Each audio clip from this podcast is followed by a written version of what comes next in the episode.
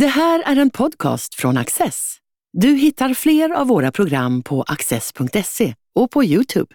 Mycket nöje! De antisemitiska hatbrotten exploderar, håller Sverige på att bli ett nytt Italien och är det slut med den svenska modellen? Det här är veckans ämnen i panelen.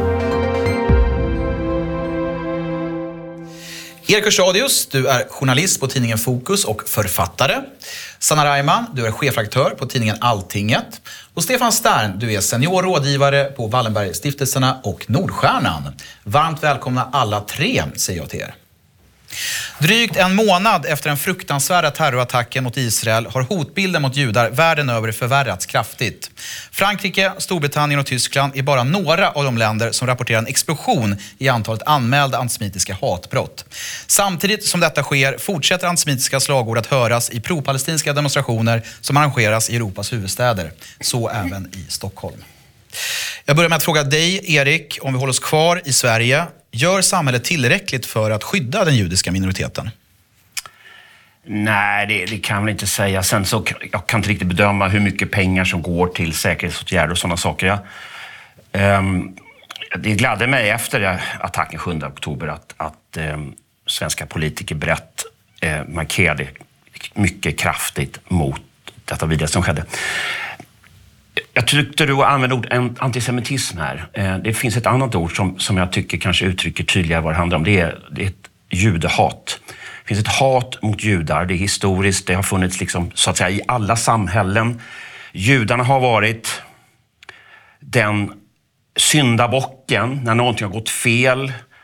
Ingen vatten, ingen mat. Då skyller man på judarna. Eh, judarna, eh, de, de har jobbat på de har liksom inte förstört samhällen de har byggt. Men någon kommer och pekar finger. Den där gruppen, det är orsaken till vår olycka. Och det här är ju en enorm tragik förstås. Eh, att vi 2023 talar om judehat i Sverige, i Europa. Eh, jag har en judisk vän, komikern och författaren, debattören Aron Flam. Han har påpekat att rasism ofta handlar om att man beskriver en grupp som mindre värd, sämre, klen, dålig. Han brukar säga att när det gäller judarna så finns det snarare en motsatt känsla.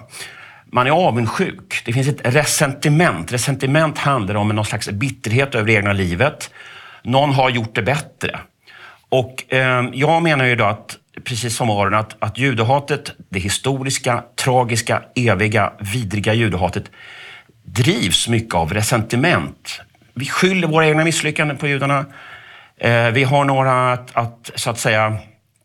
Eh, jag menar, tänk om jag misslyckas, eller min grupp misslyckas. Vad skönt att inte lägga ansvaret på mig själv, utan någon annan grupp och så vidare.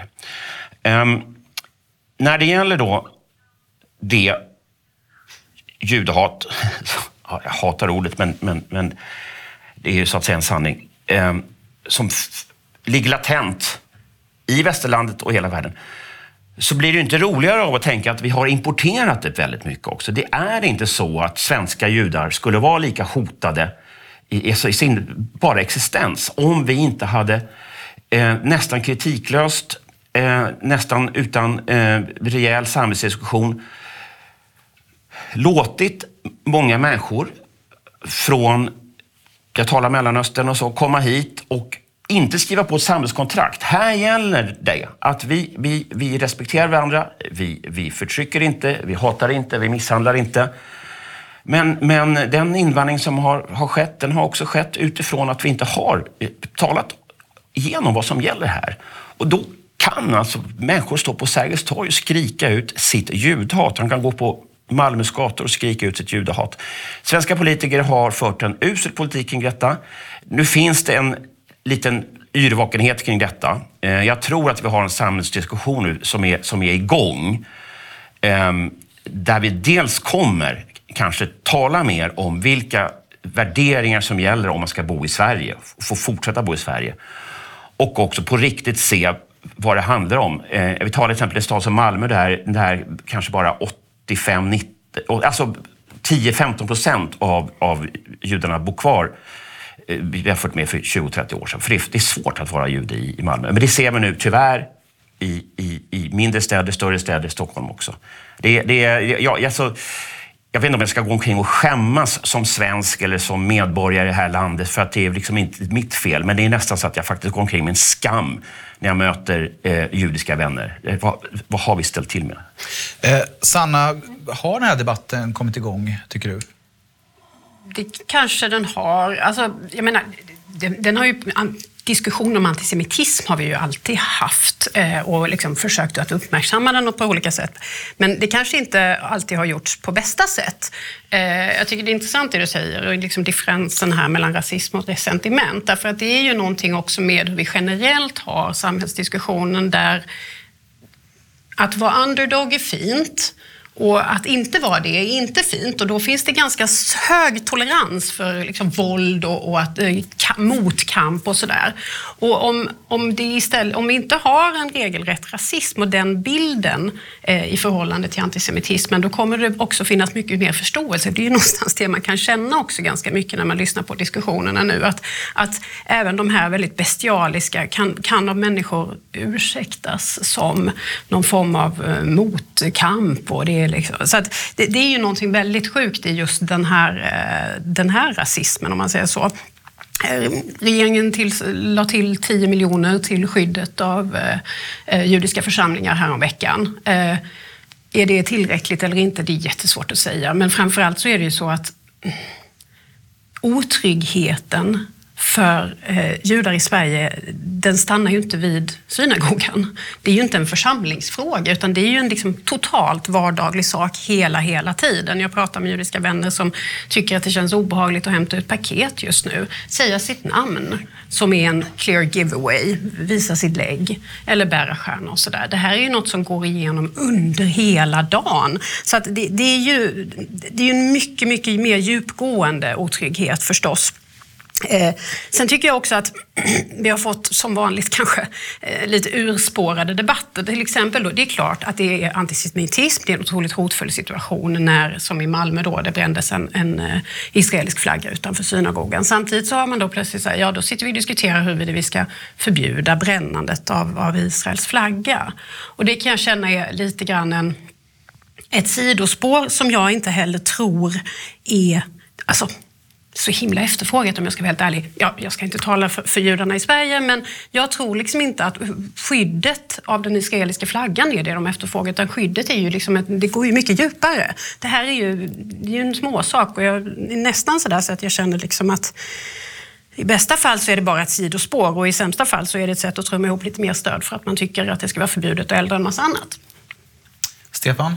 Nej, men jag håller med mycket av det som både Erik och Sanna säger här. Det är klart att det Sanna är inne på, det är ju inte begränsning av yttrandefrihet generellt sett eller, eller kring vissa symboler som är lösningen här, utan Erik är ju inne på att det handlar ju om eh, eh, Ställer man upp på den fria världens och västerlandets syn på liberala värderingar och liberal demokrati med jämlikhet och med eh, starkt skydd för individen. Då det, det är de värderingarna vi måste vinna. Men det som har hänt är väl att som påpekas här, antisemitismen eller judehatet har ju funnits i århundraden. Det är väl att efter det här mördandet och terroristhandlingen 7 oktober så, så har det här kommit snabbt upp till ytan. Det har polariserat hela världen men eftersom vi då har 800 000, 900 000 i, i, i Sveriges befolkning med, med någon slags muslimsk bakgrund,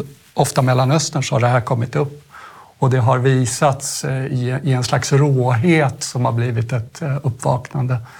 Det andra är väl att det finns så många fler sätt att hata idag. Eh, vi har så att säga de här vidriga händelserna vid synagogorna, men vi har ju sociala plattformar. Alla kan publicera vad som helst egentligen dygnet runt så att det blir som en flodvåg av judehat. Eh, det, det, är väl lite av det som har hänt här och det är därför vi eh, det var ju lite trösterikt nästan när man kunde prata om lite nas några nazister i Malung ungefär. Där finns det svenska judehatet. De går att isolera, de går att punktmarkera. Här talar vi tyvärr om hundratusentals människor med då bakgrund i Mellanöstern som också bildar en kritisk massa på skolor, i, i, vissa bostadsområden och så vidare. Där om vi i samhället, alltså via polis eller en lärare som säger till en elev som, som säger någonting vidrigt på lektion. Det finns så mycket stöd runt omkring den här personen beroende på att, att, eh, ja, beroende på att judehatet är så utbrett i de här grupperna som, ehm, eh, som, som jag tycker också att vi ska tala så att säga löst och allvarligt med. Det här är inte okej. Okay. Man, man talar ibland om låga förväntningars rasism. Jag tycker inte vi ska se på muslimer, vi ska inte se på araber, vi ska inte se på invandrare från Mellanöstern som att de är idioter, så att de är, så att de är mindre så att säga, moraliskt begåvade än vi andra. Vi ska ställa precis lika stränga krav på dem, att de beter sig bra. Så att säga. Återigen, svenska samhället har inte fört den här typen av diskussioner under den enorma samhällsförändring det har inneburit. Att vi nu har över...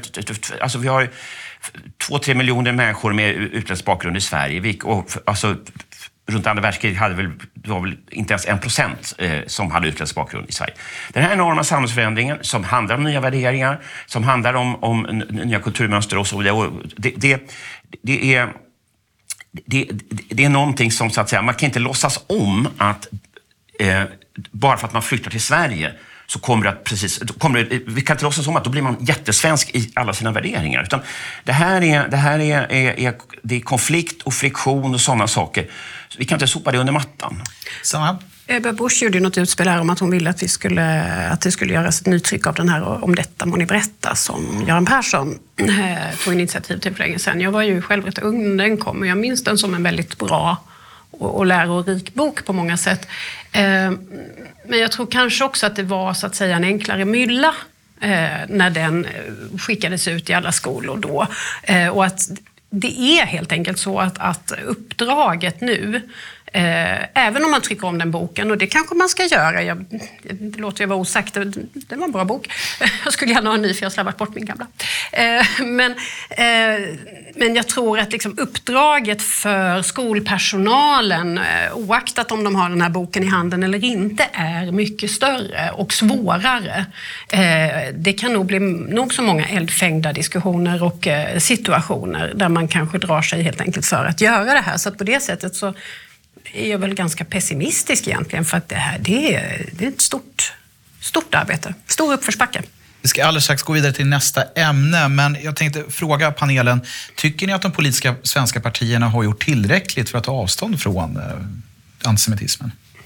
Alltså man gör ju bra markeringar nu, men som jag har försökt säga flera gånger här, det här är ju en många, många års process av att vi har, alltså, ändrad demografi, en samhällsförändring som, som vi så att säga inte har, vi har liksom inte gått i clinch med vad det faktiskt innebär som förändring av det svenska samhället och också rent konkret en förändring, försämring för, för de cirka 15 000 judar som bor i Sverige.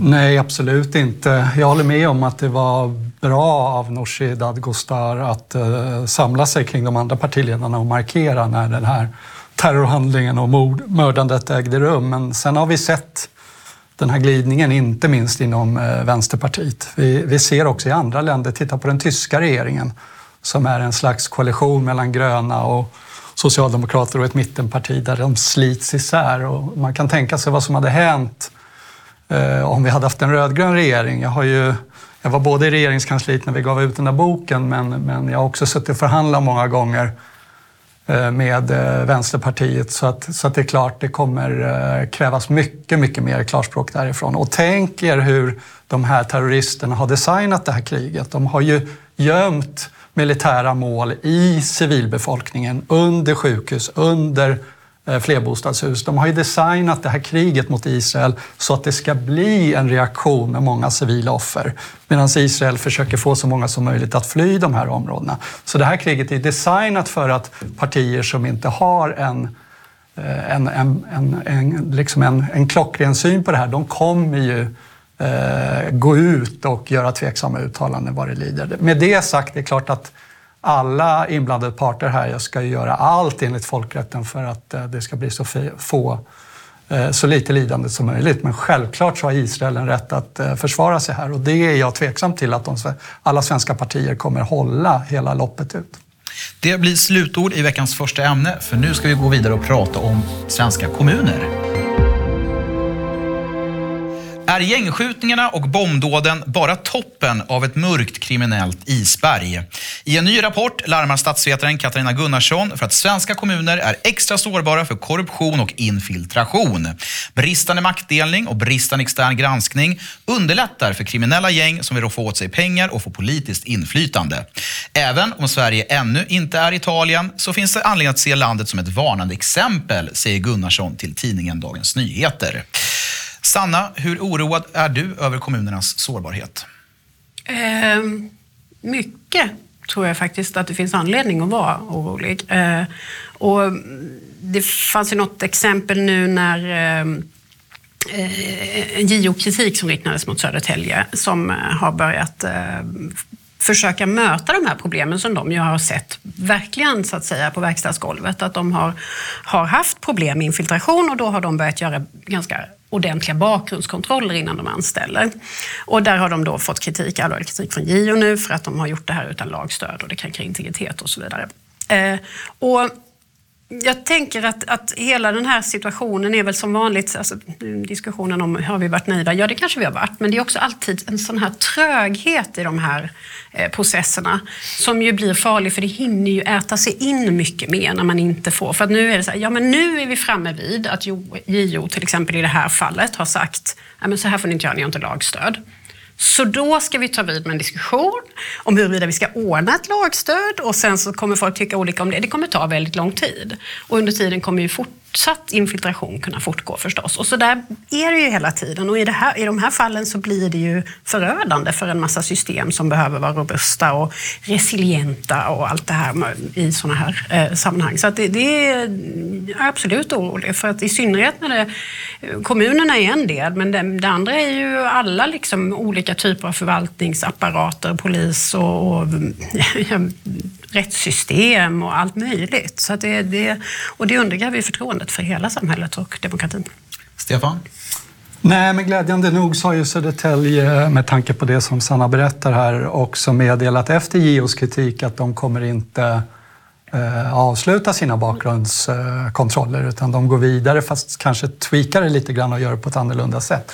Och det tycker jag är, det, det är hatten av för den inställningen därför att ibland måste man Eh, gå före och finns det tveksamheter till, kring, kring ett lagrum så, så, så, finns det ofta vägar att, att, att både pressa, förflytta eh, regelverket men också röra sig framåt. Då. Och jag tror väl för min del, Södertälje gör ju det här med eh, hjälp av externa företag som, som är professionella på det här. Och jag tror generellt sett att vi har en säkerhetsbransch i Sverige som skulle kunna användas mycket, mycket mer för exempelvis bakgrundskontroller vid anställningar. Vi har ju hört ledningen på ehm, Ja, det behöver ju rekryteras eh, i, i ehm, kriminalvården då.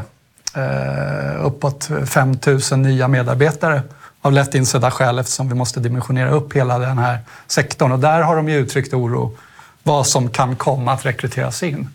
Jag tror man ska eh, utnyttja de här proffsen, de här eh, företagen. Det kan man för övrigt göra i andra delar av Eh, säkerhetssystemen också. Man kan avlasta polisen och man kan ta in privat kapital för att bygga nya fängelser och drifta dem och så vidare. Så jag tror att det här är bara en diskussion som har börjat där man måste professionalisera hela den här hanteringen. Jag säger också att det sorgliga med att vi kommer igång sent så att säga, med att ha diskussionen, att vi har det när det så att säga är lite akut läge och samhällsdebatten har nått en nivå där alla efterfrågar, nu måste vi göra något åt det här det är ju att då är det ju mycket, mycket större risk att vi vippar över i att göra för för integritetskränkande saker. Därför att behovet är så himla stort att man inte längre ser, liksom, man har inga spärrar i, i huvudet. Alltså. Och, då, och det är också väldigt olyckligt för egentligen så vill vi ju inte ha så mycket av det här. Alltså det generella tror jag om man frågar folk så här, allt annat lika om, om, om samhället funkar hyfs. Vill du att vi ska kunna gräva en massa i ditt förflutna? Vill du att vi ska lyssna av din, alltså alla de här sakerna, olika typer av övervakning och kontroll.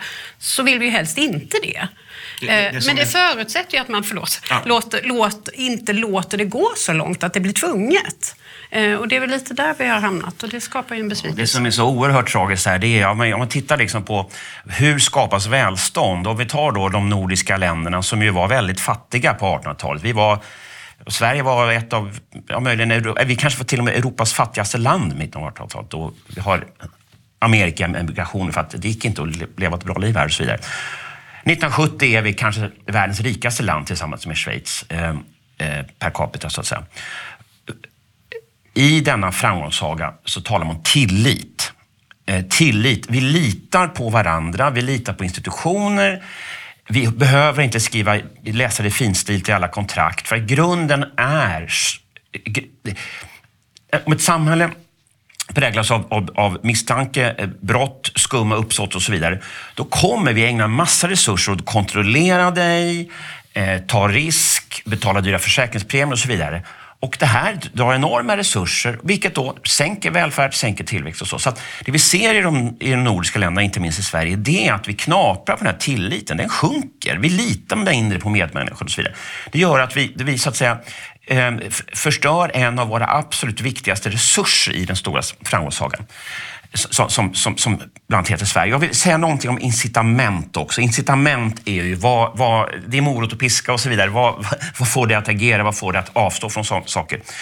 Ehm, ett, ett exempel då på misslyckad incitamentsanalys. Det här är bara ett exempel av en miljard. När eh, jag pratade med en, med, en, med en, snut som jobbade med migrationsfrågor och, och, gränskontroller för tio år sedan. Och han berättade att det var väldigt vanligt hos eh, invandrare att man hade med sig ett handikappat barn eller påstådd släkting så att säga när man kom till Sverige. Det var liksom jättekonstigt många, sa han. Det här fanns ingen samhällsdiskussion om, det fanns, men det var inget konstigt att förstå varför man då påstod att här, ja, det är klart att då kan man bygga en hel struktur om personlig assistans kring det här barnet, vilket det faktiskt kan ge miljoninkomster i, i ett hushåll om man, om man får till en, en snygg personlig assistans. Och det här är det här, det här är så att säga, man dinglar med ett bete till folk som kommer hit. Här, här kan ni hushåll tjäna flera miljoner. Om vi då inte grans, gör en hedlig incitamentsanalys, då kommer man att uppmuntra den här typen av samhällsdestruktivt beteende som inte är normalt för Sverige, för vi har mycket tillit, vi litar på varandra. Men eh, i, i så att säga, en modern värld med, med, med, med folk flyttar över gränser, då, då har man bara slarvat det där med det där som vanligt. Liksom. Så, apropå tidigare ämne också, judehatet och så. Vi, tydliga problem kopplade till globalisering, öppna gränser. Ett problem som vi inte pratar om. Eh, vi ska alldeles strax gå vidare, men innan vi gör det så är en fundering som jag har tänkt på är, är akademins roll. Alltså det, det, är väldigt lite forskning. Eh, Katarina Gunnarsson är den första i sitt slag, vad jag förstår, som har ägnat sig åt det här ämnet. Eh, klaner är också någonting som det inte har forskats eh, särskilt mycket om alls, förutom Per Brinkemo som har gjort en jätteviktig journalistisk... Och han anklagades för rasism när han tog eh, upp klanbegreppet. Men, men och, med en jätteviktig journalistisk gärning. Men mm. varför tror ni att akademin missar de här stora samhällsförändrande eh, fenomenen? Ja, alltså, man kan ju, jag menar ju att det, det, finns ju så att säga en politiskt korrekt agenda på många, inom många samhällsinstitutioner. Det är public service och det är universitet och så vidare. Man, den, som, den som kommer där på kanten och säger någonting, som herr Brinkmo till exempel, då, som, som i sina böcker beskrev planen, kan då bli brunsmetad och sånt. Det är, det är bättre nu. Det, vi har en, tycker jag, öppnare, friare samhällsdiskussion kring de här problemen. Men om vi backar 10-15 år var det ju omöjligt liksom, att, att, att ta upp saker kopplade till mångkultur, till, till invandring så, som, som kunde då skapa problem i samhället. Jag menar att det var, det en, en trång åsiktskorridor, la locket på. Och med de orden ska vi gå vidare till veckans sista ämne. Hur ska det gå för den svenska modellen? I Malmö utkämpas just nu en strid mellan elbilstillverkaren Tesla och fackförbundet Metall. Facket kräver att Tesla ska teckna kollektivavtal för sina anställda. Tesla säger blankt nej. Insatserna höjs för varje dag som går och ingen av parterna verkar vilja att ge efter. Stefan, du har en lång erfarenhet från politiken. Hur kommer den här striden att sluta?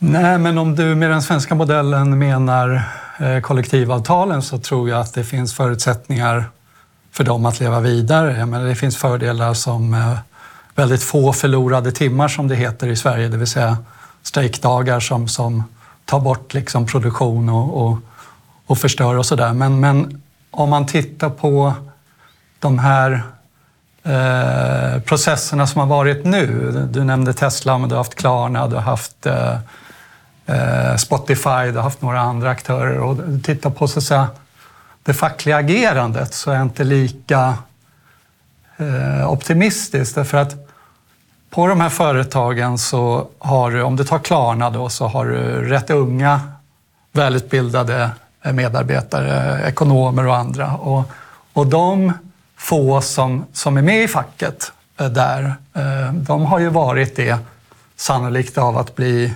Eh, försäkrade, att få tillgång till en försäkring.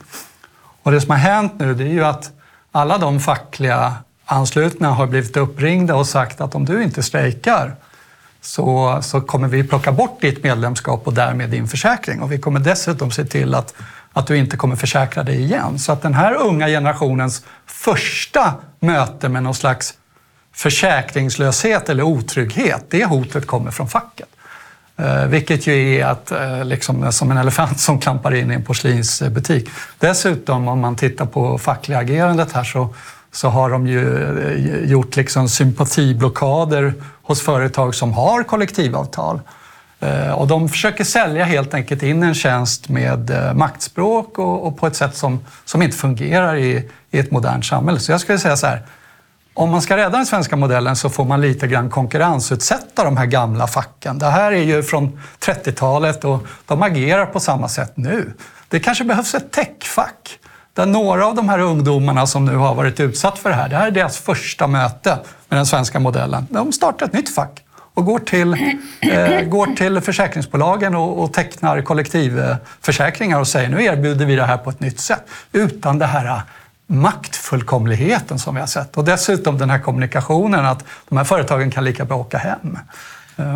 Ja, precis. LOs ordförande Susanna Gideonsson, hon sa ju att eh, om det krävs att Tesla ska drivas ut ur landet så är det, är det värt det. Sa hon eh, till tidningen Dagens Industri häromdagen. Sanna, ett teknologifack eller techfack, kan det vara någonting? Ja, alltså, det, det, är ju intressant för det är ju mycket i de här branscherna som vi ser att det här ploppar upp. Att det, det är liksom lite framtidsbranscher, techsektor och liknande. Eh, och det kanske inte är så konstigt därför att det är en gryende bransch som facken först kanske inte har ögonen på fullt ut och när den, i takt med att den växer och, och etablerar sig mer ordentligt så, så, blir det tydligare arbetsplatser som man då börjar ta, ta diskussioner med. Sen vet inte jag. Eh, jag tänker att i de flesta fallen så kommer nog de här branscherna i takt med att de växer, etablerar sig, konsoliderar och blir en, en, större spelare så kommer man vilja vara en stor spelare och en seriös spelare i alla bemärkelser i det samhälle man verkar i. Och i Sverige betyder det att man tecknar kollektivavtal. Eh, det är också vad Klarna har gjort till slut. Eh, och jag vet inte, men jag tror på något sätt att om det är så att Sverige inte är stort nog för både Tesla och IF Metall så kommer IF Metall stanna i Sverige och det kommer inte Tesla. Så, det, så kommer det nog se ut. Eh, Eh, och det, ju, det, som ter sig konstigt i det är väl möjligen att det är väl inte särskilt troligt att det inte skulle vara lönsamt för Tesla att stanna i Sverige och att ha kollektivavtal. Så att det blir ju en ideologisk strid. Det är ju ganska uppenbart att det här är en ideologisk strid från företagets sätt där man väljer så att säga den här striden framför att fortsätta vara lönsam och bara ha kollektivavtal. Eh, det är intressant. Mm. Det är intressant. Slutord Erik, för sen ska vi gå vidare ja, Jag tycker till... bara det är så mysigt att få vara i såna ord som kollektivavtal och fackföreningar och någon slags arbe, arbete och, alltså det, det, det, det, ja, Istället för det här hemska som, som, som, som, som plågar oss med ja, krig och, i Ukraina och, och Hamas, Israel och judehat och sådana saker. Ja, jag känner liksom någon slags folkhemmet är tillbaka här. Eh, mera fackligt bråk, mm. så mår jag bra. Ja, men underbart Erik. Nu ska vi alldeles strax runda av, men innan vi gör det så ska vi ju gå vidare till vårt eh, moment som vi kallar spåkulan. Där våra panelister med ett ord eller en kort mening ska göra en liten förutsägelse om den närmaste framtiden. Vi börjar med dig Erik. Jag tror att när vi får då snart ny förbundskapten i fotboll så kommer man prata också om 4-4-2-systemet. Ska det arkiveras kanske? Sanna? Jag tror att eh, så här, streetigt mode kommer att vara ut. Stefan? Jag tror att eh, inte bara det kommer arkiveras utan jag tror att vi får en ny centerledare, kanske inte inom kort men inom något år. Och att han kommer arkiveras. Eh, det går inte särskilt bra i opinionen, han har fått en dålig start och så börjar vi närma oss valet så kommer det ske. Strålande! Fotboll, mode och en ny centerpartistisk ledare. Stort tack för att ni har varit med här och stort tack för att ni har tittat.